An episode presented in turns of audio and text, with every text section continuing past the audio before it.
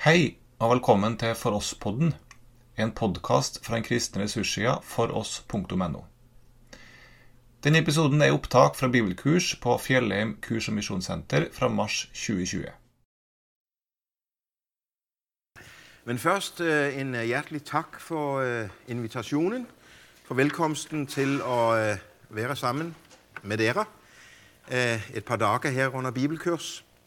Eh, som I allerede hører, så prater jeg ikke norsk, eh, og jeg prater ikke dansk. Men jeg har en erfarenhet eh, for at når jeg prater dette lidt eh, internordiske, med lidt eh, sang og lidt sådan, du vet, så siger dere i stedet for jer, og den slags, så går kommunikationen grejt. greit. Jeg har rejst mye i, i Norge og har været vant til situationen her og har, har gode erfaringer med at i hvert fall det meste av hvad jeg siger, blir forstået. Eh, Men tak for denne anledning til at være sammen med dere på, uh, på kurset her om nogle temaer som, som ikke er uh, typisk bibeltimetemaer. Men det får jeg altså slåss med Thor om, som har bedt mig uh, om disse temaer, om åndsfrihed og eh, påvirkning med respekt og forskellige andre ting. Eh, Så det blir, uh, kan man sige, lidt i skæringsfeltet mellom det åndelige regimente og det værtslige regimente, øh, som min undervisning kommer til at ta, ta fat på. Dog med den undtagelse at vi har en, øh, en, øh, en øh, afdeling med, med spørgsmål om fariseisme. Og øh, bogen, som jeg har skrevet, og som er kommet på norsk, Navn av leve', som bliver væsentligt mere sådan klassisk bibelsk. Og så selvfølgelig min prædiken søndag formiddag blir ikke foredrag, øh, det blir en, en vanlig prediken. Men min, min øh, opgave oppgave til hverdag er den type, er den type temaer som, som vi så tar frem her. Og jeg har også tilrettelagt det på den måde, at det skal være litt øh, samtale undervejs. Jeg tenker at det blir vel mye hvis jeg skal stå og prate her så mange timer. Så, og jeg tenker når vi ikke er flere enn vi er, så kan vi nok øh, prate alle hop på samme tid. Um, I har fått et uh, handout, som det heter på godt dansk. Uh, et lille stykke papir, uh, som, eller to, uh, som uh, gir gangen i det jeg vil sige. Og så har jeg lidt understøttende uh, slides her, som, uh, som så blir uh, undervisningens indhold. Men der kan I også se der er sådan nogle gule uh, rubrikker undervejs, hvor jeg tænker, at vi kan prate. Og I er også hjertelig velkommen til at række op hånden og øh, afbryde mig øh, for, øh, for en, en, liten prat eller et spørgsmål. Men jeg lakker altså også selv også flere huller end, end det ene som er angivet her. Ja, det var vist nok. Jeg skal måske også lige sige som supplement til, øh, til præsentationen, at jeg har haft mye min gang i, i Bergen. Øh, jeg øh, har taget min øh, videreuddanning inden for pædagogik og kristendom ved Norsk Lærerakademi i Bergen og har startet en del kontakt dertil. Jeg har været... Ålesund er det nordligste jeg har været indtil i går. Men altså har jeg været mødt på Jæren og Oslo, Vestfold og den vej ned, og altså en enkelt gang i Ålesund og Molde. Men første gang i, i Tromsø. Så det er en ære for mig, og at være så langt. Jeg tror heller aldri jeg i hele mitt liv har været så langt nord som Tromsø jo rent faktisk ligger. Det er lige langt fra København til Rom som der er fra København til Tromsø. Så øh, det er et langt land I bor i. Ja. Og så lige en enkelt øh, ting mer indledningsvis. Øh, jeg har taget med øh, nogle bøger, og øh, det er et vældig ensidigt øh, forfatterudvalg, jeg har øh, For det er mig, som har skrevet øh, langt det meste. Øhm, men der kommer til at ligge der nede en liste med nogle norske priser, og der står et WIPS-nummer, Og om kort tid, når, når, han som har forstand på det, har fået laget en underrubrik derinde, som heter bøker, så går man altså bare ind med dette WIPS-nummeret og øh, søger bøker og skriver det antal norske kroner som det handler om. Og så er der allerede nogen, som nu har sagt at øh, at øh, de ønsker at bestille flere bøger. Og der laver vi en bestillingsliste. Så kan man bestille bøgerne, betale dem nye, plus 50 kroner i porto. Så skal jeg love at jeg sender bøgerne, når jeg kommer øh, hjem igen. Så øh, det, var, det, var, det Og øh, til det tema vi skal prate om nu, om åndsfrihed, har jeg skrevet øh, denne bog, som hedder Respekt øh, om åndsfrihed i dag. Og dette er det sidste eksemplar, jeg har til salgs af den bog. Så der kan jeg ikke love at sende mere, for det er absolut den sidste, som findes. Åndsfrihed. Hvad er det, og hvordan øh, praktiserer den? Det er for mig at se et vældig vigtigt tema, ikke bare for os øh, kristne eller øh, missionsfolk, men øh, for, for vort øh, folk øh, og vores land i det hele taget. Baggrunden for at sige lidt om dette er, at vi for år tilbage fra 9 til 13, tror jeg det var, havde et projekt i Kristen Pædagogisk Institut, som jeg, et projekt, som jeg ledte, hvor vi var en, en stor gruppe af kirkelige folk, som gik sammen om at søge og, og formulere os omkring dette med åndsfrihed. Og det var alle mulige øh, kirkelige øh, grupperinger, mange af de folk, som jeg er vildt uenige med, teologisk set, men vi skulle heldigvis ikke blive enige om hverken teologi eller, eller pædagogik. Vi skulle bare blive, prøve at blive enige om, hvordan vi er uenige på en ordentlig måde. Men det kan så også holde hårdt, øh, når der både er katolikker og grundvigianere og KFMK og så sambanditter. Jeg er sådan en slags øh, semi-sambandit, øh, som, som mig. Men, men det gik, det lykkedes. Vi fik uh, formuleret det, vi kaldte 21 teser om åndsfrihed, som fik et vist gennemslag både på, på fjernsyn, på tv og radio og i medier, og vi har det konference på Christiansborg. Øh, og det er på baggrund af den, øh, det, det projekt, jeg både har skrevet bogen og skal, øh, skal sige lidt nu om dette store tema. Først lidt om aktualiteten. Det er vældig aktuelt med, med spørgsmålet om åndsfrihed. For eksempel af hensyn til øh, jøders ret til omskæring af drengebarn. Jeg ved ikke, hvor, hvor kraftig den debat har været i Norge, men i Danmark har vi haft en vældig hæftig debat, fordi en del folk siger, øh, at det er øh, gammeldags, og det er øh, overgreb mod barn, Øh, at jøder har lov at omskære deres øh, drengebarn øh, på 8. dagen. Det er faktisk sådan, at i dag er det op mod 85 procent af den danske befolkning, som mener, at dette skal forbydes. Og der mener jeg, at 85 procent af den danske befolkning ikke har forstået, hvad åndsfrihed går ud på.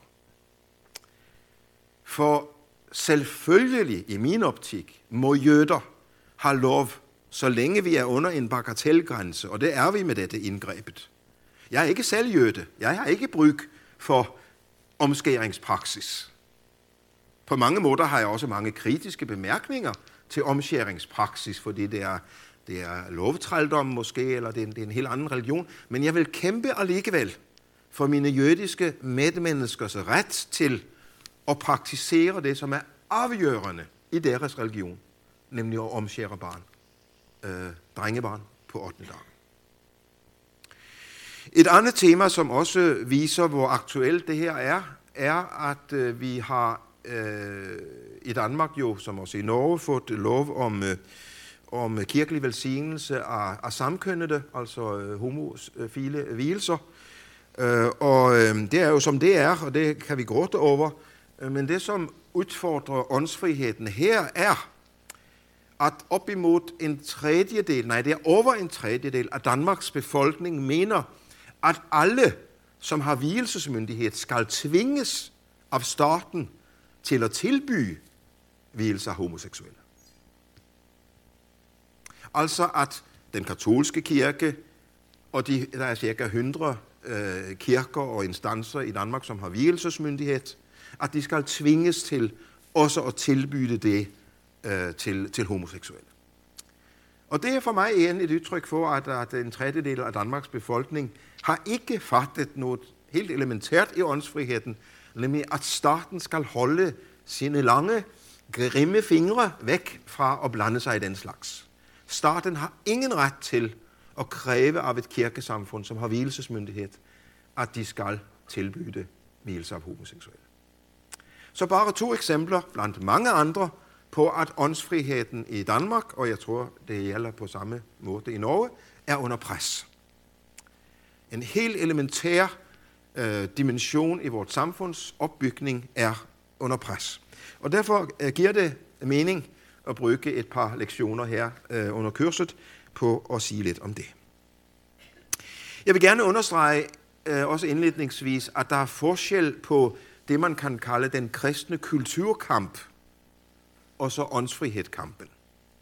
For den kristne kulturkamp, som vi også må deltage i, ja, den handler jo om, så vidt det nu er muligt, at sikre, man kan sige det enkelt på den måde, at Guds ti bud og den vejledning, som vi møder deri, også kommer til at gælde øh, i dansk øh, lovgivning, i norsk lovgivning.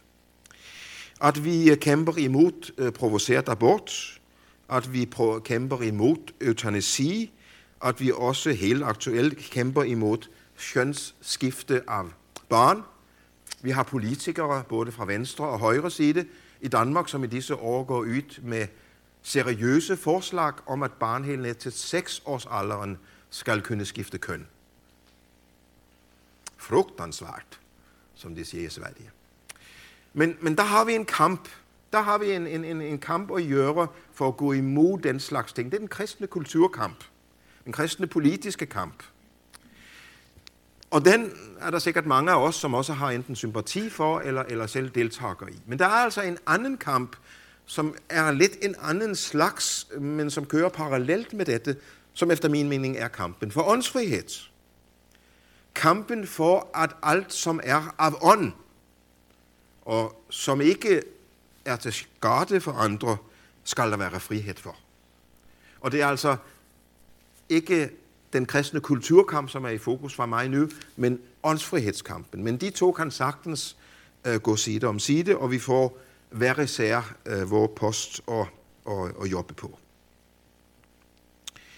Når det er nødvendigt med åndsfrihed, altså frihed for at lade åndelige ting styre vores liv og har frihed til det også i vores samfund, så hænger det uløseligt sammen med, at vi ikke længere lever i en kristen enhedskultur. Det gør vi ikke, det kan vi gråte over, men, men sådan er det i Danmark og i Norge. Vi lever ikke længere i en kristen enhedskultur. Og når vi ikke længere gør det, så bliver der et stærkt behov for at tage denne spørgsmål om åndsfrihed op. I virkeligheden var det jo Luther, som begyndte på denne ravage, øh, for han etablerede jo en anden tro og en anden øh, kristen forståelse end den katolske kirke, som var enerådende.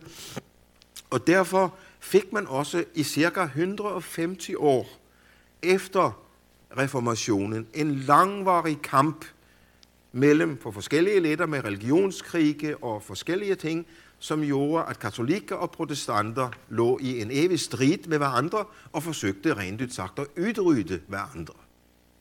Sådan var det. Og især den katolske kirke, som jo var ved magten, øh, det ingen forståelse for, at der skulle have ret til at være en anden tro. Man måtte opgive den tanke, som middelalderen ellers var båret af. En tro, en lov, en konge.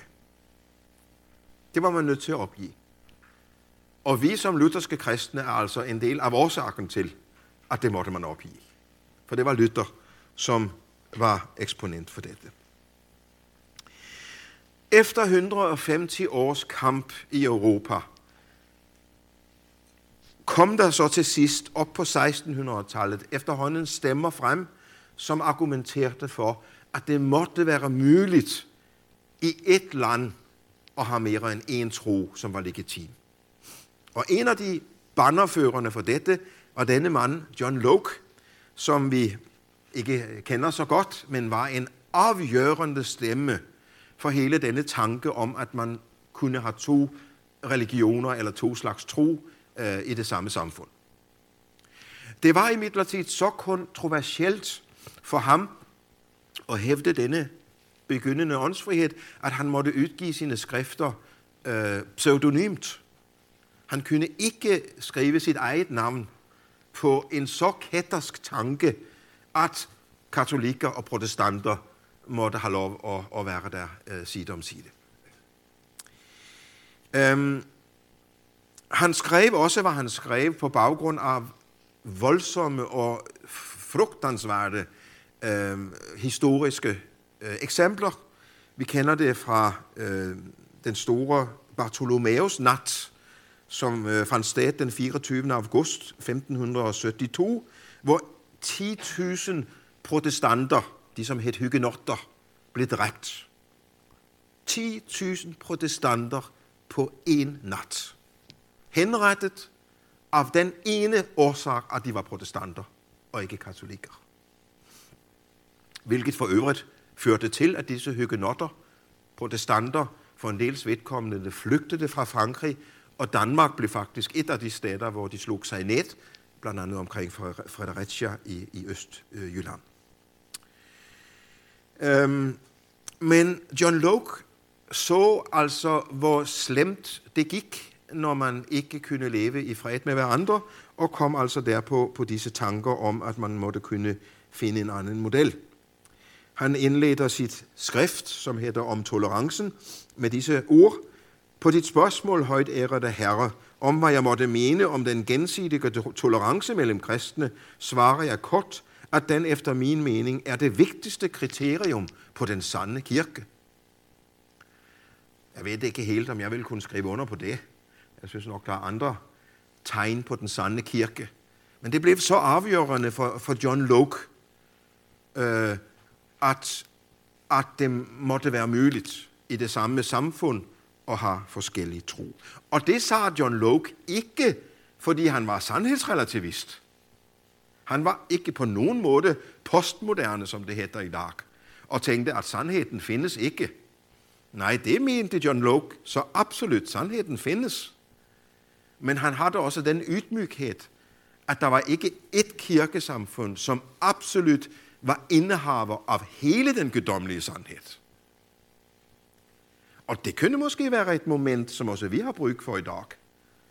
Selvom jeg er semisambandit og kommer i Luthersk Mission hjemme i Danmark, og så kan jeg jo så tage Luthersk Mission og ikke sambandet som eksempel, så er det lidt overmodigt at hævde, at Luthersk Mission i Danmark er den eneste på hele jorden, som har forstået den guddommelige sandhed. Der kunne være folk fra, ja, hvad ved jeg, IMF eller Nordmission eller andre steder, som også har det bare en lille flik af sandhed, som også jeg kunne have glæde af. Ja, vi smiler lidt, men der er også en alvor i dette. For det er denne balancegang, at vi tror på en sandhed, og vi er ikke sandhedsrelativister. Og åndsfrihed er det stik modsatte af sandhedsrelativisme. Det er netop fordi sandheden ikke er relativ, men at der findes en sandhed, at vi må give frihed for de på samfundsplan, give frihed for de, som mener noget andet. Um, John Locke argumenterede også med, at det at forbyde en bestemt holdning uh, faktisk i virkeligheden slet ikke hjælper. Fordi hvis man forbyder holdninger, så bliver de bare endda mere interessante. Så, bliver de, så kommer de til at ligge under radarhøjde. Og så bliver, det, så bliver, man, så bliver man martyrer, og så bliver man endda mere attraktiv, i hvert fald for nogen. Øh, så hans argumentation var også ganske enkelt, det hjælper ikke og undertrykke holdninger. Og det har verdenshistorien jo også vist, at de steder, hvor man forsøgte at undertrykke holdninger, var det som regel umuligt, i hvert fald på den lange bane.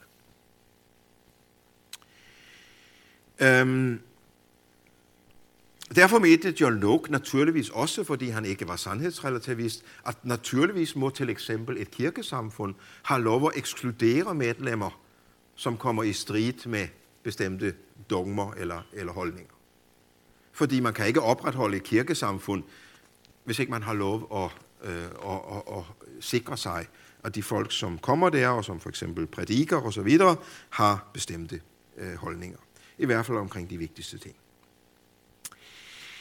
François Voltaire øh, var også en af de oplysningsfolk, som øh, bar disse tanker frem øh, i slutningen af 1600-tallet.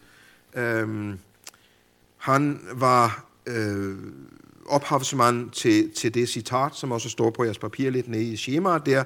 Jeg vil bekæmpe dine meninger, men jeg vil dø for din ret til at have dem. Det er åndsfrihed. Jeg vil bekæmpe dine meninger, For sandheden er ikke relativ. Men på samfundsplan vil jeg dø for din ret til at have dem.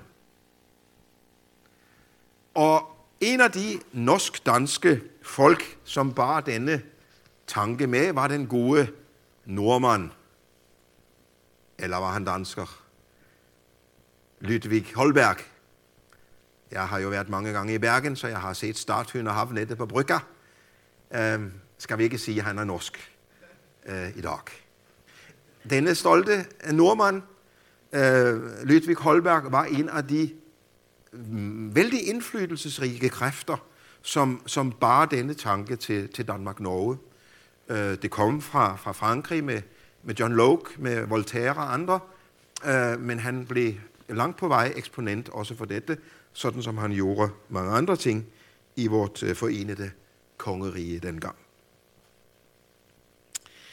Så langsomt bredte den idé sig altså op imod slutten af 1700-tallet, begyndelsen af 1800-tallet, at man øh, måtte have denne frihed for Øh, holdninger, ikke for alle handlinger, men for forskellige holdninger på samfundsplan. Øhm, det blev jo så i midlertid, da den, jeg tror lige, jeg skal blade frem til ham, for jeg har ham lige lidt længere fremme her. Det blev jo så i midlertid denne mand, som, som i, øh, i Danmark i hvert fald, det var jo efter det store tab i 1814 af visse landbesiddelser øh, nordover, øh, som altså øh, blev eksponent for denne tanke, men jo kastede mange ting også tilbage til Norge. Øh, Niels, øh, Nikolaj Frederik Severin Grundtvig, som om nogen førte Holbergs og Lokes og de andres tanker videre, øh, først ind i, dansk sammenhæng og senere også i nordisk sammenhæng, øh, og var den store inspirator for det, som så med ham fik navnet åndsfrihed. Og derfor frem til definitionen. Hvad er åndsfrihed? Det var den definition, vi udviklede i det projekt, jeg nævnte før, og som øh, jeg synes stadig holder vand. Åndsfrihed i et samfund betyder, at enkeltpersoner og grupper har frihed til at have deres overbevisning i religiøse, ideologiske og etiske spørgsmål, udtrykke denne overbevisning, formidle den og handle i overensstemmelse med den. Det er jo der, den jødiske omskæringspraksis bliver aktuel. For vi har haft danske, som har sagt, kan de der jøder ikke, ikke bare holde op med det der med at, at skære forhytten af penis? Kan de ikke bare give et lille stik med en nål i stedet for? Men det skal vi da ikke bestemme, om jøderne skal stikke med nål, eller hvad de skal gøre. De har lov at formidle og handle i overensstemmelse med den overbevisning, så længe der ikke er tale om, om vold, eller man kan ikke have en religion, som har børneoffringer til eksempel hvis vi tager et ek- ekstremt eksempel. Vi kan ikke have en religion i Danmark eller Norge, som har det som en fast del af deres ritual, at man offrer børn. Selvfølgelig kan man ikke det. Men der er ikke tale om vold, der er tale om en ting under bagatellgrænsen med omskæringen. Åndsfriheden afgrænses af medmenneskets ret til samme frihed og indebærer en forpligtelse til at kæmpe for den andens ret. Og så det er en vældig stor kunst at vi altså på den ene side står for noget, tror, at noget er sandt, og bliver ved at tro, at det er sandt, og at andet er løgn. Og kæmper for det. Men samtidig som samfundsmennesker, som samfundsborgere må give frihed, også for de, som jeg mener tager fejl. Så det er ikke altid så let. Hvis vi tager det mest konkrete eksempel med islam for eksempel. Jeg mener, islam er en, en farlig religion. Jeg mener, islam er loviskhed, og har, jeg har mange negative ting at sige om islam, som tro. Vi skælder mellem trosretningen og enkelt muslimer, for det er med mennesker. Men jeg har mange negative ting at sige om islam som trosretning. Men som samfundsmenneske, der vil jeg stadig kæmpe også for muslimernes religionsfrihed. Der kan være visse restriktioner og grænser for, hvor højt, øh, altså hvor, hvor, hvor mye larm de må lave, og, og der må selvfølgelig ikke finde øh, terrorvirksomhed den slags sted, så vi må have nogle stærke øh, politiets efterretningstjeneste, hvad hedder det i, i Norge? SAPO hedder det i Sverige. Hvad hedder politiets hemmelige efterretningstjeneste i Norge? PST. PT? Ja. PST. Vi må have et stærkt PST, som går ind og sørger for, at der ikke finder terrorvirksomhed eller udvikling af ekstremisme sted i de steder, men og, og at de har lov at udfolde deres religion. Det mener jeg. Så er der et bestemt spørgsmål om, hvor mange muslimer, der er plads til i Norge. Jeg mener for min egen del, men nu kommer vi så langt ind i politik, at man må sætte stræk, stræk, stærke grænser for, hvor mange vi kan have plads til i små samfund som Danmark eller Norge. Men det, at de, som er her, og som er muslimer, har ret til at dyrke deres religion, sådan som jeg dyrker min, det vil jeg kæmpe for. Og den spænding står jeg så i, at jeg på den ene side bekæmper islam med ord, med holdninger, med argumenter, med skriverier, med debatindlæg, med omsorg, og på den anden side politisk øh, må kæmpe for deres frihed. Det er ikke enkelt, men øh, livet er jo ikke så enkelt. Jeg mener, der er sto, tre, øh, jeg mener, der er fire store Nej, den tror jeg lige, jeg venter lidt med. Den tror jeg lige, jeg venter lidt med, for nu vil jeg hellere følge, følge mit øh, schema her, indtil vi skal lige have en liten prat.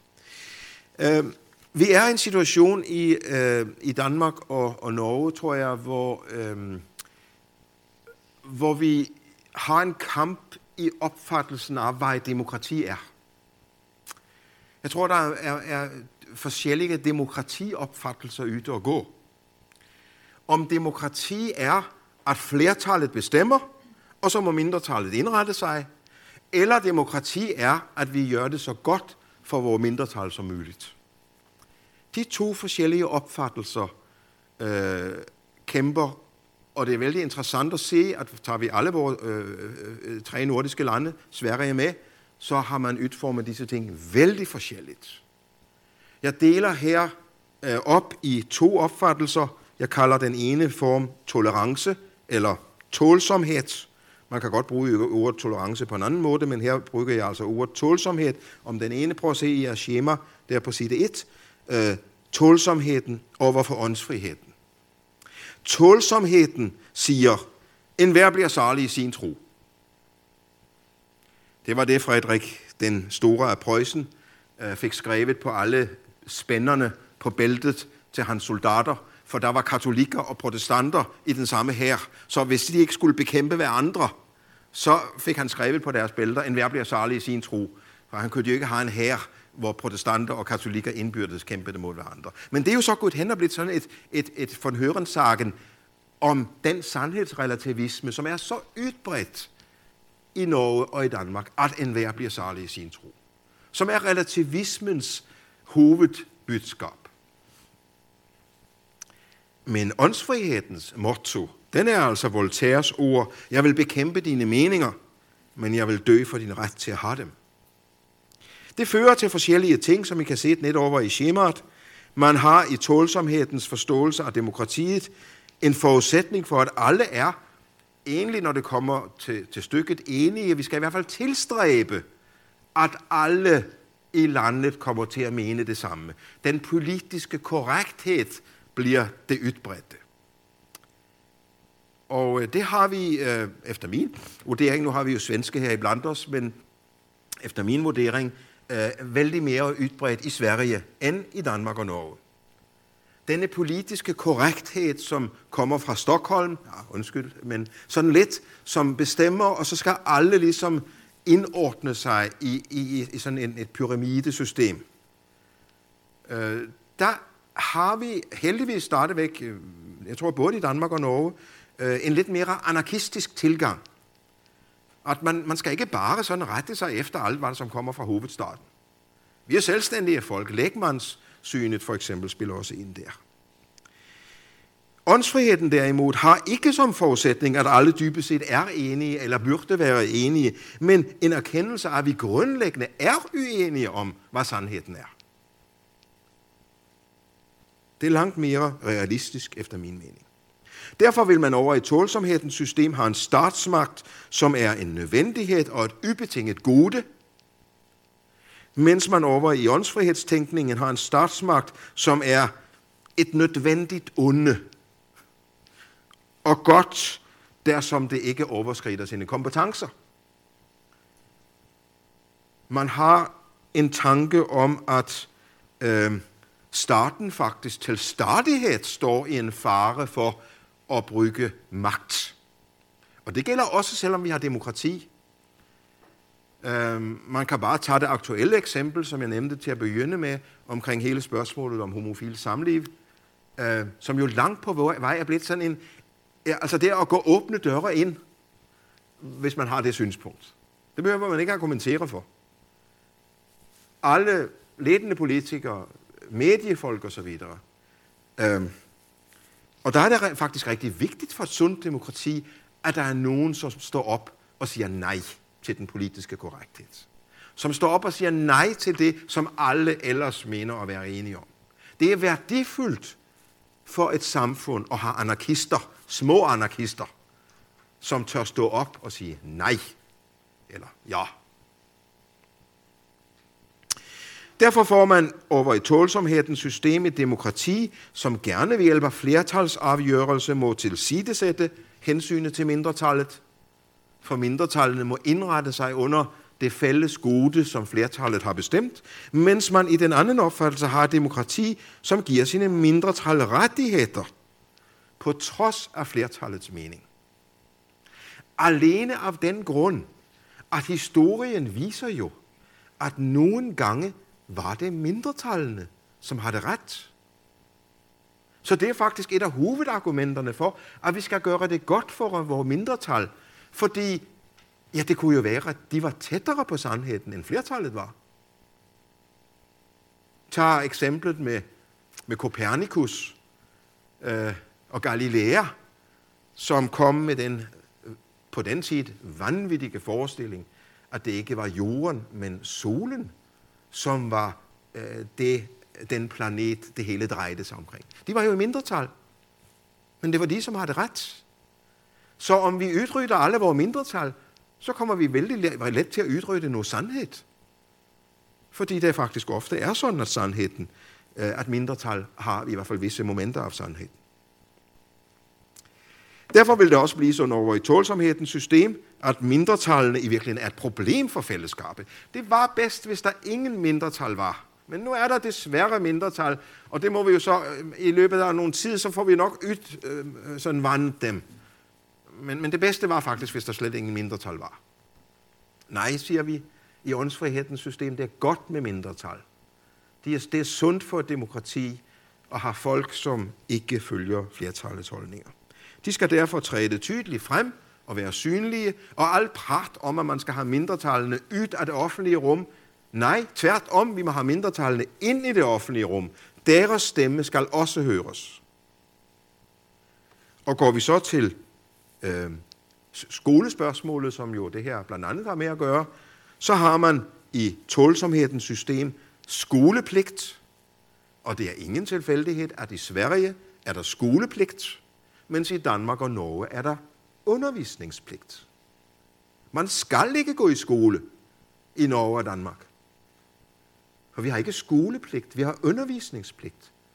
Man har ret til for eksempel at lade sine børn undervise hjemme. Det er altid så koseligt at komme til udlandet og fortælle, at den længst siddende undervisningsminister i Danmark, Bertel Hårder, minister, det er statsråd. At den længst siddende statsråd på undervisningsområdet i Danmark, Bertel Hårder, han har ikke gået i skole. Nej, for han var barn af højskolefolk, så han blev undervist hjemme ved køkkenbordet på Rønshoved Højskole.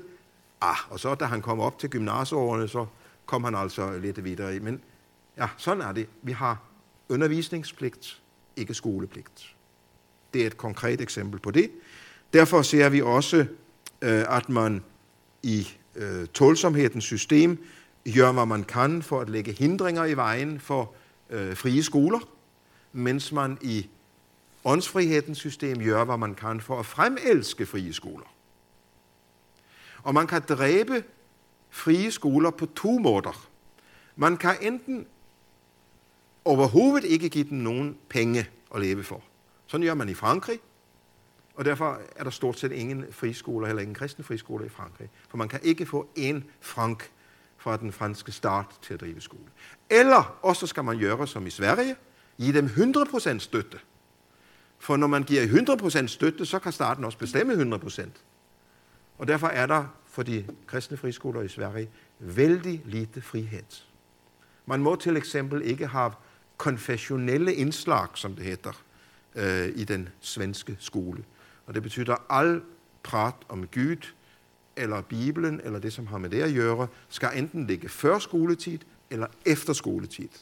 Man må ikke have det inde i skoletiden. Det kan vi tage en længere prat om, der er mange detaljer i det, men, men, men man kan altså dræbe friskoler enten ved at give dem 100%, eller ved at give dem 0%. Og derfor skal vi være godt tilfredse i Norge og Danmark, hvor vi har systemer, der man får et sted mellem 70 eller 80 procent. Man må for alt i verden ikke gå efter at få 100 procent. For så vil staten også bestemme 100 procent. Der skal være noget, som mindretallet selv må ofre for at have denne ret til at drive frie skoler. Øh, så det er en lille udløber, men har nær sammenhæng med hele denne spørgsmål om, om åndsfrihed.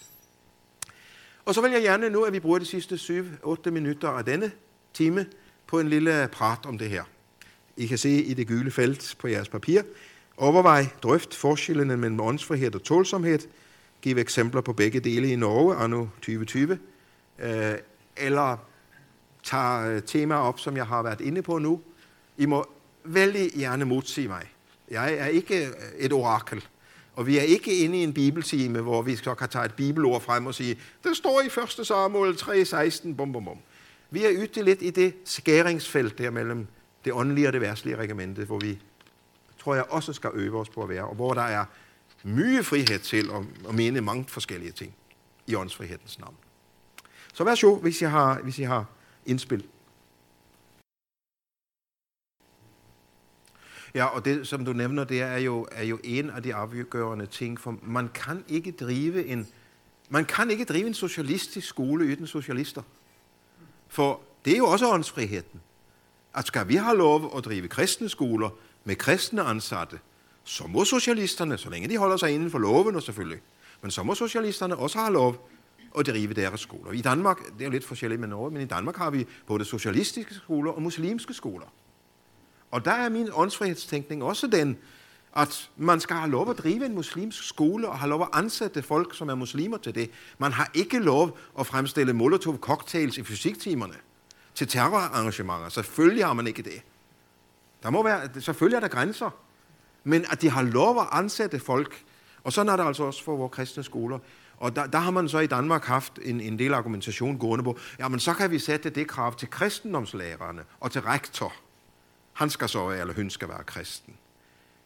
Men som man kan bruge som eksempel, hvad nytter det, at man forsøger at lære eleverne, at man må ikke bande, mens vagtmesteren, som går og skovler snø ud i gården, så bander undervejs, mens han skovler al denne trælse sne væk. Altså så, så, så bliver det jo et eksempel på, på det modsatte.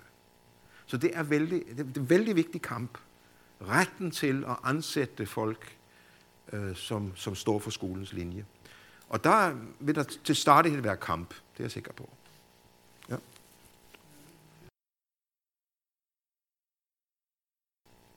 Det, det er vældig, vældig aktuelt øh, eksempel, du rejser der, hvor, hvor der er en gråzone for, hvad, hvad skal så til eksempel en muslimsk skole have lov at, at lære deres elever. Og, og jeg, jeg mener for eksempel, at, at hvis en muslimsk skole øh, argumenterer for at forsøge at øh, prate for polygami for eksempel. Det er ikke lovligt. Det er ikke lovligt i Danmark at have flere øh, hustruer, men det findes jo i muslimske miljøer, bare under radarhøjden.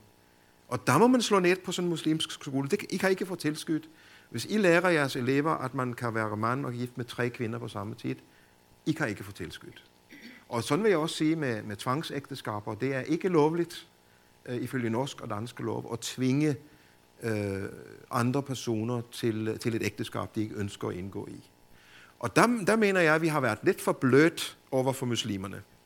Lidt for, lidt for uh, lessen, som det hedder. Uh, og der, der må vi stille krav til... Uh, men, men jeg kan godt se, fordi så kommer de og spørger, jamen hvordan kan det så være, at på en sambanditskole må man godt have tjenestedeling, altså at kvinder ikke skal være præster? Ikke sandt? Hvad med den? Er den så ikke også... Uh, men den er trods alt ikke imod lovværket. For det er lovligt i den norske kirke at være imod det synspunkt, at kvinder skal være præster.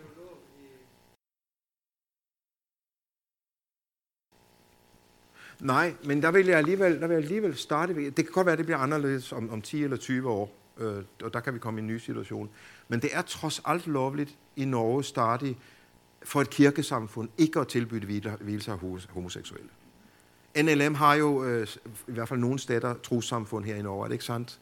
Og hvor man også har hvilelsesmyndighed. Man har ikke krav på at vige øh, homoseksuelle. Så der er alligevel en lov ret i, i Norge til at være imod det synspunkt men du har ikke noget lov med et hold for polygami, for eksempel. Der er stadig en forskel.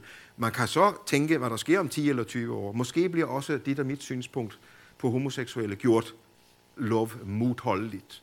Hvis vi skal tage situationen i Sverige, så kan du jo ikke i Sverige i dag være præst i Svenska kyrkan og være imod kvindelige præster. Det kan du ikke. Så, så der, ja, der er en gråzone, men jeg synes stadig, jeg kan holde mig til spørgsmålet om, hvad er lov med et holdeligt? Men det er en kamp til stadighed at, at sige, jamen vi har ret til.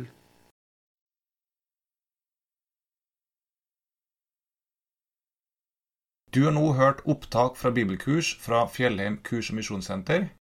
Du finner mange andre opptak med undervisning på foross.no.